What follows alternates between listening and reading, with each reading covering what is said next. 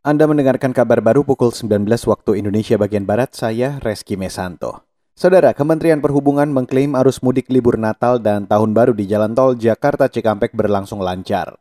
Menteri Perhubungan Budi Karya Sumadi mengatakan, hal itu setelah melakukan pemantauan arus mudik dari udara. Selain di jalur Jakarta Cikampek, arus mudik di kawasan Puncak Bogor juga lancar. Menteri Perhubungan menambahkan, saat ini guna mencegah penularan COVID-19, Petugas Kemenhub dan Polri melakukan tes acak di jalur-jalur arus mudik libur akhir tahun. Kementerian Perhubungan kerjasama dengan kepolisian, kerja dengan uh, Dishub akan melakukan random di mana-mana. Jadi yang akan kita lakukan yang pasti adalah di stasiun bis, di rest area, dan tempat-tempat yang ditetapkan oleh Dishub. Dan tempatnya kita nggak kasih tahu.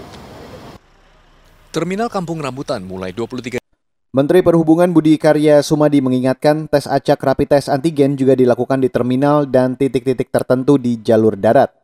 Berdasarkan catatan Kementerian Perhubungan, dalam tes acak hari ini, dari sekitar seratusan orang yang diperiksa, ada sedikitnya empat orang positif COVID-19.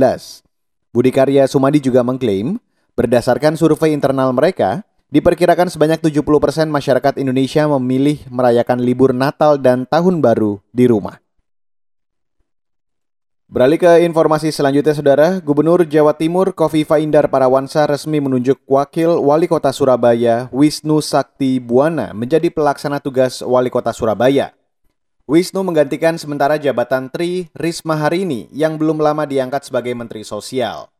Penunjukan Wisnu Sakti itu berdasarkan radiogram surat perintah dari Kementerian Dalam Negeri pada Rabu kemarin. Radiogram itu berisi perintah menunjuk Wisnu Sakti sebagai pelaksana tugas Wali Kota Surabaya.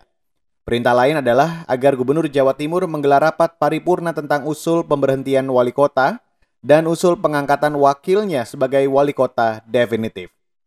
Sebelumnya, kalangan anggota DPR meminta Tri Risma hari ini melepas jabatan wali kota Surabaya.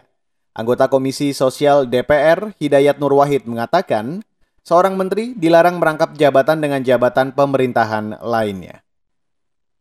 Dari Singapura, pemerintah Singapura mengonfirmasi varian baru virus corona yang berasal dari mutasi di Inggris sudah masuk Singapura.